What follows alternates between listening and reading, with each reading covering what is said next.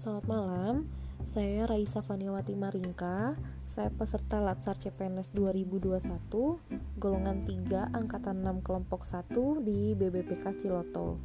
Pada kesempatan saat ini, saya ingin memaparkan beberapa hal yang saya pelajari dari agenda 3 hari kedua hari ini. Di hari kedua ini, kami tidak ada Zoom, dan kami belajar melalui tugas kelompok dan juga tugas individu.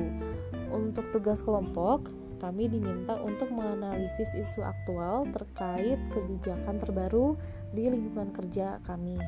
Uh, dan kami mengambil tema penguatan integrasi dan sinkronisasi pembangunan.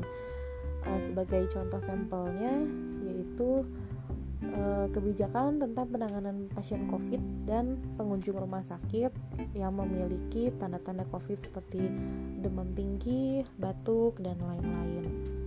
Kemudian, di tugas individu, kami diminta untuk menganalisis uh, core isu yang sudah kami tetapkan pada tugas individu hari pertama kemarin.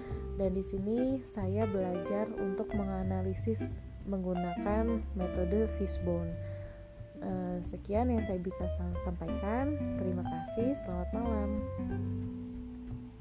thank you